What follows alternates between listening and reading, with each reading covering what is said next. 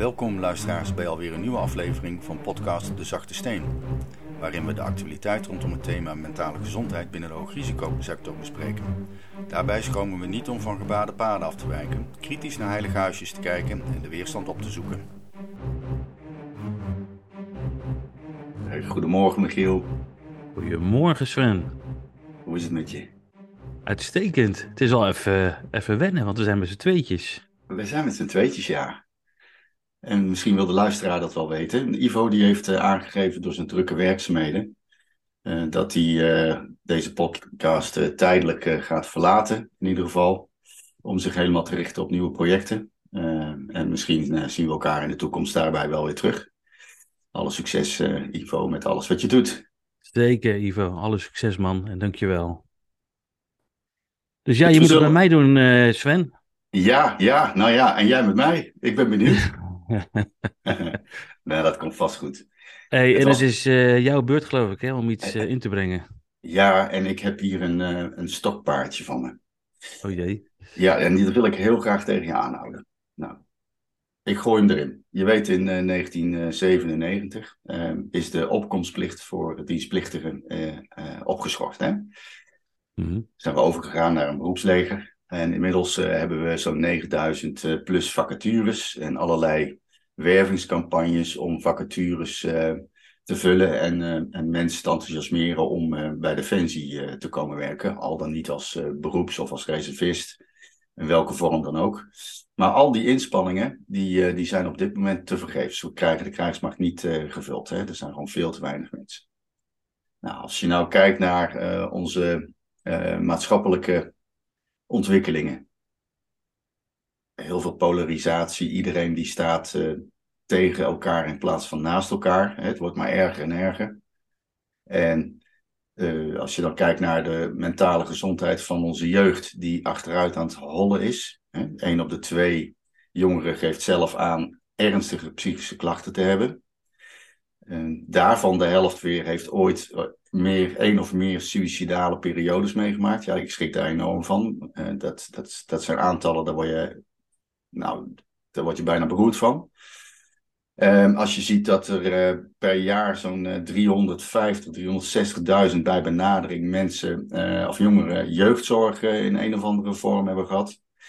En dat er 25.000 ook bij benadering 25.000 jongeren zonder een startkwalificatie het onderwijs verlaten. Dat elk jaar weer. Dus jaar in, jaar uit. Nou, dat zijn zomaar wat punten waar ik met jou eens, eens over wil sparren. Van wat nou als wij de opkomstplicht weer heractiveren? Ik zie daar heel veel voordelen in.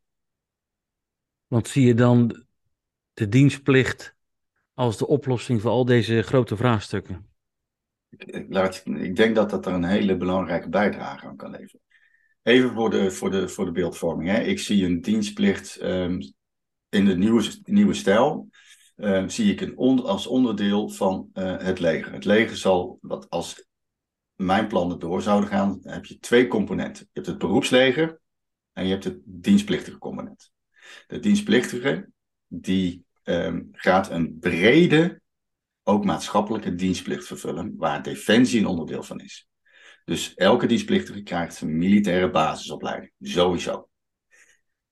En belangrijk uh, punt wat ik wil maken is dat een dienstplichtige niet uitgezonden gaat worden. Dat mhm. punt wil ik helder hebben. In mijn beleving uh, is dat helemaal, uh, moet je dat helemaal toelaten of uh, toeleggen bij het beroepsleger. Mm Die voordelen van, van een dienstplichtige component. Kijk, op het moment dat jij, en dat, we, in je eerste opleidingen. Um, als je dan kijkt eens naar polarisatie en, en, en integratie in onze samenleving.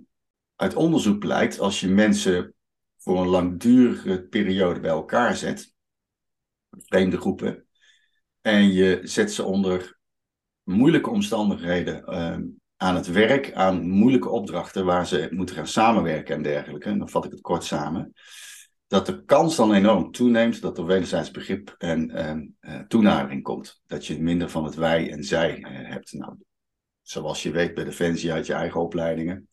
Je moet daar wel samenwerken. Je kunt daar niet als eenling rond gaan lopen, eh, want je bent onderdeel van een team. Vaak doe je je werk onder verzwarende omstandigheden. En vaak zijn die taken die je doet, worden steeds moeilijker en ehm, eh, steeds ehm, eh, uitdagender. Nou, die componenten zitten daar gewoon in.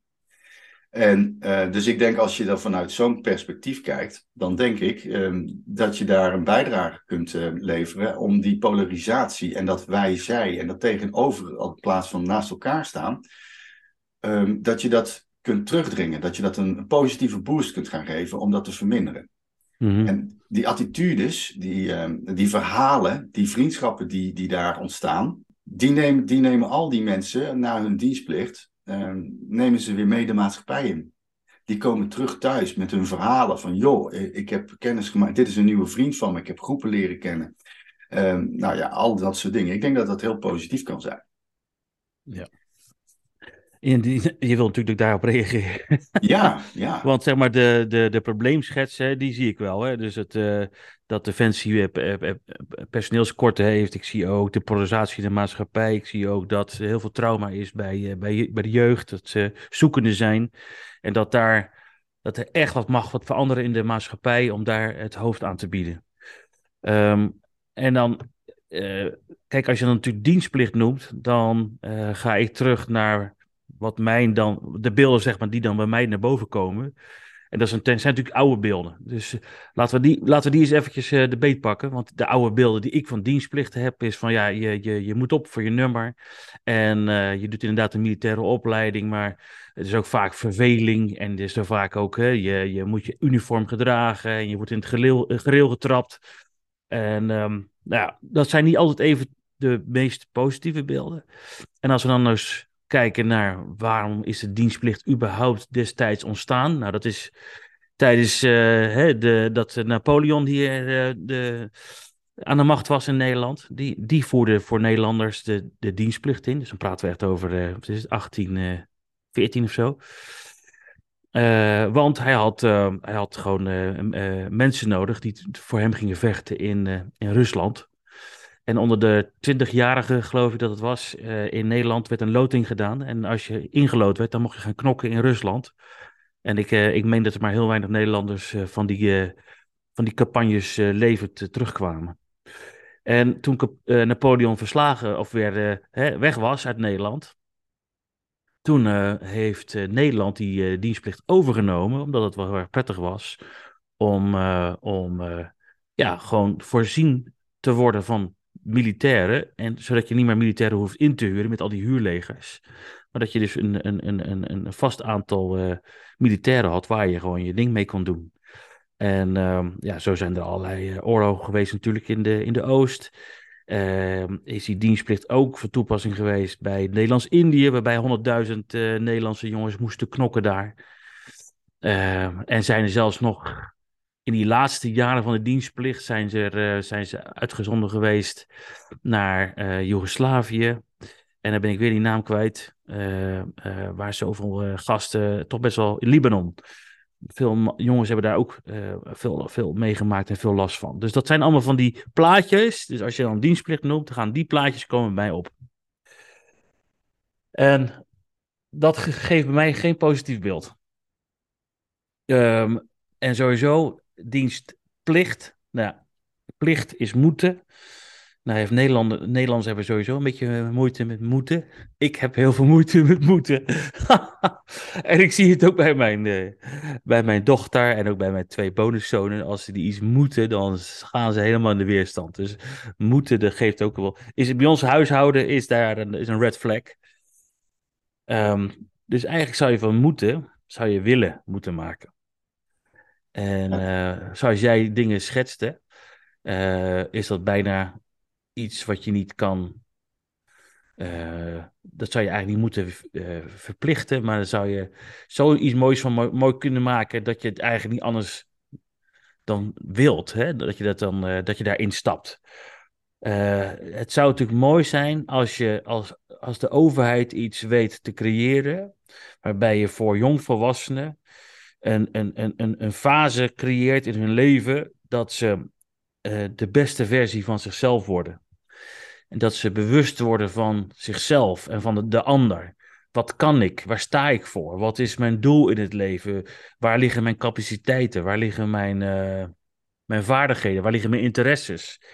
En dat is mogelijk uh, bij Defensie, maar dat kan ook zijn dat je ontdekt dat je eigenlijk een hele goede ondernemer bent, of dat je een hele goede zorgverlener bent, of whatever. Uh, en dat als je zo'n fase doorloopt, zo'n dienstplicht, maar dan zou je echt een andere naam voor moeten verzinnen, wat mij betreft, dat je daardoor ook wat betere kansen hebt in de maatschappij, omdat je gewoon jezelf wat beter hebt leren kennen. En tegelijkertijd, als ik dit zo uitspreek, hè, want ik ben gewoon een beetje aan het zo hardop aan het filosoferen, uh, moeten we ook, denk ik, uh, niet de dienstplicht instellen als een soort van uh, de, de oplossing voor alle problemen. Want je noemt wel een aantal problemen op die ook wel, wel heel erg diepgaand en veelomvattend zijn en die veel meer vragen dan alleen het de dienstplicht aan zich. Snap je een beetje wat ik probeer te zeggen? Zeker, nee, dankjewel. Um, even een paar reacties op jouw uitspraken. Eén, dat uh, plicht, hè. Ja, daar zijn wij wars van, dat snap ik. Maar naast, naast vrijheden, want die, die permitteren ons natuurlijk allemaal, staan ook verantwoordelijkheden. nou, lees verantwoordelijkheden, lees daarvoor plichten.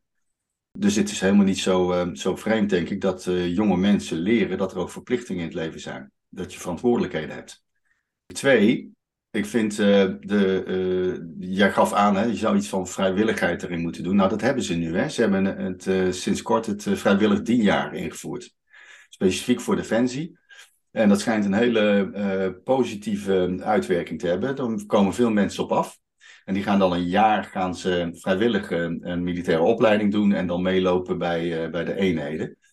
Um, uh, en uh, ik heb me goed laten informeren. Het is dan niet een soort van snuffelstage, uh, maar dan gaan ze daadwerkelijk wat doen. In, voor zover ze daarvoor opgeleid zijn en, voor, en bevoegd zijn om bepaalde taken uit te voeren. Nou, het schijnt hartstikke goed te zijn in de hoop dat mensen daar als reservist of als beroeps ehm, in verder gaan. Dus dat is er al wel. Maar ik wil het breder aanpakken, hè, want ik vind het wel een beetje een utopische gedachte dat je zegt van nou, je moet mensen proberen te enthousiasmeren om dit soort dingen te doen. En, en, en nogmaals, ik kom even terug naar het begin van mijn betoog. Deze dienstplicht is breder, hè? is maatschappelijk. Hè? Dus het is niet alleen maar een militaire opleiding, maar je gaat ook breed in de maatschappij kijken waar je talenten liggen, waar je interesses liggen. Uh, ik heb dat zo even niet paraat, maar even zo'n schot voor de boeg. Je zou uh, een periode ook in, uh, in de zorg kunnen kijken of dat, dat iets voor je is. Of ook bij het bedrijfsleven kennis gaan maken en dat soort dingen. Dus het is niet alleen maar dat groene pakje aan. Nee, dus, dat snap ik. En, en ik, weet je, dit, dit is ook geen uh, eenvoudige materie. Um, maar de vraag is natuurlijk wel dat als je, als je dingen verplicht gaat stellen, in, in hoeverre uh, gaan dan de deelnemers uh, echt uh, zich veilig voelen en gaan ze echt dat aan, hè, met zichzelf ook met name. Ik denk dat daar wel een spanning op zit. Dus ik, ik begrijp wat je zegt, maar tegelijkertijd zou zo'n verplichting ook uh, een aantal ja, processen wel vermoeilijken. Bemoeilijken. Want uh, in hoeverre is iemand dan vrijwillig? Wil hij er ook aan? Gaat hij open? Voelt hij zich veilig? Uh, en, en haal je dus die doelstelling die je eigenlijk voor ogen hebt? Nou, die doelstelling die heeft meerdere lagen. Eén is dat je gaat werken aan de vulling van de krijgsmacht dat doe je, in mijn beleving uh, zie ik dat tien jaar als een, uh, een extra selectiejaar voor, voor uh, meer hoogrisicoberoepen. Die een kijkje in de keuken kunnen nemen van wat voor mensen zijn er die op dit moment in deze lichting zitten. Wat zijn hun interesses, wat zijn hun competenties, wat zijn hun wensen. want het kan zomaar zijn dat je, dat je zeg maar affiniteit hebt om tot beroepsleger te komen en je zou bijvoorbeeld naar de infanterie willen. En dan blijkt in jouw jaar van functioneren dat jij bijvoorbeeld enorm uitblinkt uh, en nog meer talenten hebt ontwikkeld en nog meer affiniteit hebt ontwikkeld met, met een medische tak van bijvoorbeeld Defensie. En dan kun je, denk ik, iemand veel um, gerichter op functies, um, naar functies toegeleiden uh, bij het beroepsleger, die echt bij, bij de behoeften van, van het leger passen, van de, van de eenheid. Maar zeker ook bij de competenties en de wensen en ehm, ehm, de interesses van die, van die um, dienstplichtigen. Want, en dat heeft denk ik ook weer een, een voordeel daarmee die specifieke opleidingen die ze daarna moeten gaan volgen, dat je het opleidingsverval, het uitvallen uit de opleidingen, ook enorm gaat terugdringen. Want als je nu de verhalen soms hoort, hè, dat mensen na een paar dagen stoppen uh, met, met, uh, met een opleiding, om, dan hebben ze een voorlichting gehad, dan hebben ze een uh, medische keuring, dan hebben ze een psychologische keuring gehad, er zit een heel traject aan vooraf, daar komen ze uiteindelijk op. En na een paar dagen dan geven ze de braai aan, en de redenen die ik dan terughoor, is van ja, ik, ehm, het was toch niet wat ik ervan verwachtte. Uh, en ik heb behoefte aan een sabbatical. Mm En over een jaar doe ik het nog een keer. Ja, die vrijblijvendheid, die moet er wel een beetje uit. En ik denk dat als je mensen bij elkaar zet voor een gedurende langere periode, en je gaat dat in een brede maatschappelijke context doen, dan denk ik dat je mensen kunt enthousiasmeren uh, en leren ze meer over de maatschappij, over zichzelf en, over elkaar. Ze ontwikkelen hele waardevolle competenties die ze direct mee kunnen nemen terug in de maatschappij als ze niet kiezen voor een, een, een baan binnen de hoogrisicosector. Um, en bovendien, het, het eh, bedrijfsleven, om het zo maar eens te zeggen, die staan te springen om, om mensen met uh, uh, juist die skills uh, die, ze, die ze kunnen aannemen in hun bedrijf. Nee, ik spreek heel veel van die, van die grote ondernemers en die zeggen, joh, Sven, zo'n papiertje zegt me helemaal niks. Dat, zoals zo noemen zij dat dan, hè? dat kunstje wat ze hier moeten doen, dat leer ik ze wel. Maar waar ik naar op zoek ben, zijn mensen die betrouwbaar zijn, die uh, oprecht zijn, open, eerlijk, die hun schouders eronder willen zetten, um, die um, een beetje um, discipline hebben en die uh, vooral ook goed kunnen samenwerken. En de bredere, de, het bredere plaatje kunnen zien en zich daarin thuis voelen. Nou, dat zijn denk ik allemaal voordelen die je met zo'n dienperiode, om het zo maar misschien uit te drukken, echt, echt kunt stimuleren. Maar neem nou eens, uh, um, want als je natuurlijk een dienstplicht gaat doen, dan zou je eigenlijk moeten zeggen van nou, alle 18, 19-jarigen, ik noem maar wat, en dan ook eh, vanuit het verleden zijn het dan ook de mannen. Dus ik ben wel benieuwd of je dan ook mannen en vrouwen, uh, of je dat zeg maar allemaal gelijk trekt. Daar ben ik wel benieuwd naar wat jouw visie daarop is. En um, alle mannen en vrouwen, weet je wel, van 18, 19 jaar. Dat, dat is waar je misschien dan over praat. En ik zeg van ja, oeh, uh, ik ken zoveel jongeren die eigenlijk zichzelf wel al goed kennen, of die zitten al op een bepaald pad. Dus als ik bijvoorbeeld kijk naar een van mijn, uh, van mijn uh, bonuszonen, die heeft een hele sterke eigen wil. En die, die, die, die kent zichzelf al, al best wel goed, weet ook wat, wat, zijn, wat, zijn, wat plan is. Ja, daar stel ik me vragen bij van, heeft die jongen dat wel nodig? Um, er zijn genoeg jongeren die ook weet ik het, ik noem maar wat. Uh, een jongen die bijvoorbeeld uh, uh, heel goed, heel zijn leven al bezig is met toneelspelen. En die heeft alles erop gericht, weet je wel. En die is in zijn vrije tijd ermee bezig. En die doet de opleidingen voor. En een bam, hij is 18 jaar. Ja, en we trekken je even uit dat pad. En nou moet je dat dienst, die dienstplicht gaan doen. Want je, je moet jezelf wel leren kennen. En je, dan denk ik, ja, is, dat, is dit nou een oplossing voor alle jongeren? Of valt daar nog daar ben ik wel benieuwd naar wat jij daarvan vindt. Valt daar nog, zit daar nog wat kleur in? Kan je ook, uh, kan je ook uitzonderingen maken? Kan, uh, geldt het voor iedereen of zijn er, noem je dat, zijn er misschien ook uitzonderingen? Ja, uitzonderingen bevestigen natuurlijk altijd de regel. En alle mannen en vrouwen tegenwoordig niet zo geloof zeggen alle mensen. Hè? Uh, ja, uh, maar dat, dat, geldt voor alle. ja, voor iedereen. Voor iedereen, ja. Alle mannen en vrouwen, uh, die zouden wat mij betreft, nou jij noemt een leeftijd van 18, daar kun je over discussiëren. Maar je geeft er een, terecht punt aan. Hè. Er zijn, er zijn uh, groepen mensen die, uh, om wat voor reden ook, ik denk aan topsporters, of dat het dan heel lastig is om dan zo'n stramien van een jaar in te gaan. Ik denk dat je daar flexibel in moet zijn. Ik vind wel dat in die dienperiode je in ieder geval je basismilitaire opleiding allemaal gehad hebt. Mannen en vrouwen. En waarom? Omdat je, uh, nou, gelet op de geopolitieke ontwikkelingen, uh, hebben we gewoon allemaal mensen nodig die inzetbaar zijn. En nogmaals, een dienstplichtige wordt niet uitgezonden, wordt niet ingezet ehm, in een uh, conflict situatie, maar gaat dan wel automatisch in een reservistenbestand uh, voor territoriale taken bijvoorbeeld. wat is er nou mis mee om opgeroepen te worden bij een, een nieuwe watersnoodramp in, in Limburg? En daarmee um, een bijdrage te verlenen aan de maatschappij door daar ingezet te worden om de, om de mensen te ontlasten, te helpen, zandzakken, de dammen te bouwen, weet ik wat allemaal, en dat soort dingen. Zodat je daarmee um, ook de tijd en het geld vrij houdt voor het beroepsleger om te doen wat ze moeten doen. Ja. Ja, we zijn op heel veel punten zijn we het niet met elkaar oneens. maar ik zit toch te kouwen op. Kijk, ehm, als ik even gewoon kijk naar, mijn, uh, naar de ervaring die ik heb in mijn uh, coachpraktijk. Dan zie ik, als ik eventjes gewoon alles heel erg plat sla. Dan zie ik dat mensen in de problemen komen, dat ze in mentale problemen komen. Als, uh, als ze dingen doen die niet in lijn liggen met wie ze werkelijk zijn. Dus ik denk dat ook heel veel jongeren in de mentale problemen zitten of zijn, komen omdat ze eigenlijk niet zo goed weten wie ze, wie ze zelf nou zijn en waar ze voor staan. En dat ze zich heel erg gericht op die buitenwereld en veel te weinig op die binnenwereld. Dus dat is ook een beetje mijn referentiekader.